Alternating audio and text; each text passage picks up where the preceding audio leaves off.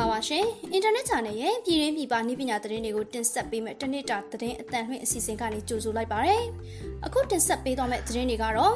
ရန်ကုန်တိုင်းဒေသကြီးကွန်ပျူတာလုပ်ငန်းရှင်အသင်းမှကြီးမှုပြီး online ICT top ဆွေးနွေးပွဲကျင်းပမယ်ဆိုတဲ့သတင်း။ Brave browser အတွက် video chat လောက်ဆောင်ချက်ပါဝင်လာတဲ့ဆိုတဲ့သတင်း။ Smart Office ထုတ်ကုန်တစ်ကို Huawei မိတ်ဆက်တဲ့ဆိုတဲ့သတင်းတွေကိုတင်ဆက်ပေးသွားမှာပဲဖြစ်ပါတယ်။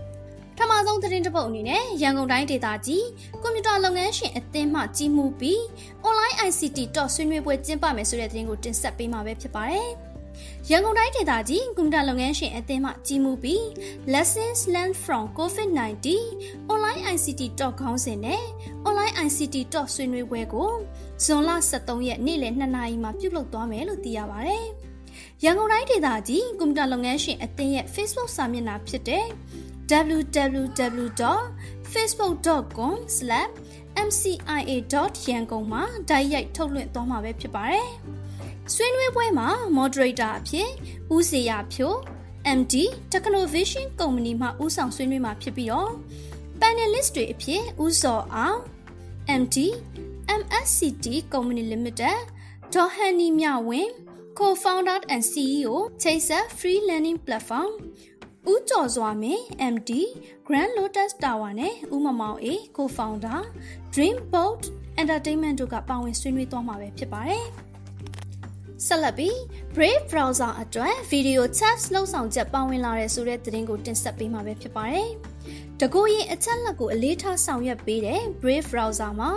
Brave Together အမီရ Video Chat လုံဆောင်ချက်ပါဝင်လာပါတယ်။ Brave Together က Zoom Microsoft Teams နဲ့ Google Meet လိုမျိုးဝန်ဆောင်မှုတွေနဲ့ရှင်ပြိုင်သွားပါမယ်။ Coronavirus ကပ်ရောဂါအတွင်းလုပ်ငန်းပိုင်းနဲ့ဆက်သွယ်ရေးပိုင်းမှာ Video Chat ဟာအလွန်ရေပန်းစားနေပါတယ်။ Brave Together ကိုစတင်စမ်းသပ်နေပါတယ်။ကျွန်တော်တို့ရဲ့အာယုံဆိုင်မှုကတငယ်ချင်းတွေနဲ့မိသားစုဝင်တွေသဘောကျတဲ့တကိုရီ Video Chat ဖန်တီးဖို့ပါလို့ Brave Engineer အကြီးအကဲကပြောပါတယ်။ Brave Together ကိုအသုံးပြုမယ်ဆိုရင် together. brave.com လင့်တဲဝင်ရောက်ပြီးအခြားသုံးစွဲသူတွေစီ website လိပ်စာကိုဝေမျှပေးနိုင်ပါတယ်။ Brave Together ကိုအသုံးပြုမယ်ဆိုရင်အကောင့်မလိုပါဘူး။ Brave ကလည်းသုံးစွဲသူလှုပ်ဆောင်ချက်တွေကိုမှတ်တမ်းတင်မှာမဟုတ်ပါဘူးလို့သိရပါတယ်။နောက်ဆုံးသတင်းတစ်ပုဒ်အနေနဲ့ Smart Office ထုတ်ကုန်တစ်ကို Huawei မိတ်ဆက်တယ်ဆိုတဲ့သတင်းကိုတင်ဆက်ပေးမှာပဲဖြစ်ပါတယ်။မျိုးဆက်သစ် Idea Have Series ထုတ်ကုန်တစ်ကို Huawei ကနေမိတ်ဆက်လိုက်ပါတယ်။ စီးပွားရေးလုပ်ငန်းတွေရဲ့စွမ်းဆောင်ရည်ကိုမြင့်တင်ဖို့နဲ့အထူးသဖြင့် social distancing ပြုလုပ်နေစဉ်ကာလအတွင်းအဝေးရောက်ပူးပေါင်းဆောင်ရွက်မှုတွေပြုလုပ်နိုင်စေဖို့ရည်ရွယ်တယ်လို့သိရပါတယ်။ Huawei Idea Hut မှာ Cloud Kit အတွင်းအခြေအနေတိုင်းအတွက် Smart ရုံးစနစ်ကိုဖော်ဆောင်နိုင်ရင်ဖန်တီးထားတဲ့ကိရိယာအသစ်တစ်ခုဖြစ်ကြောင်းအဆိုပါကိရိယာမှာ mobile phone တွေနဲ့ PC ကွန်ပျူတာတွေကြား စခရီများချိတ်ဆက်ပြသနိုင်မှုအပြန်အလှန်တုံ့ပြန်ချိတ်ဆက်နိုင်တဲ့ whiteboard အဝေးရောက်ပူးပေါင်းဆောင်ရွက်ခြင်းအပြင် Full HD Video အစည်းအဝေးခေါ်ဆိုမှုနဲ့ HD App Gallery စတဲ့လှုပ်ဆောင်ချက်များစွာပါဝင်ပါတယ်။ Huawei Idea Hub ကိုရွှေလျားနိုင်တဲ့စင်ပေါ်တွင်တင်၍၎င်း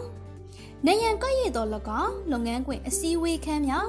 ရုံးခန်းကျင်များတွင်သာမကအိမ်ရုံးခန်းများစသဖြင့် ပတ်ဝန်းကျင်အမျိုးမျိုးမှာအသုံးပြုနိုင်မှာဖြစ်တယ်လို့လည်းသိရပါတယ်။ Huawei Idea Hub တွင်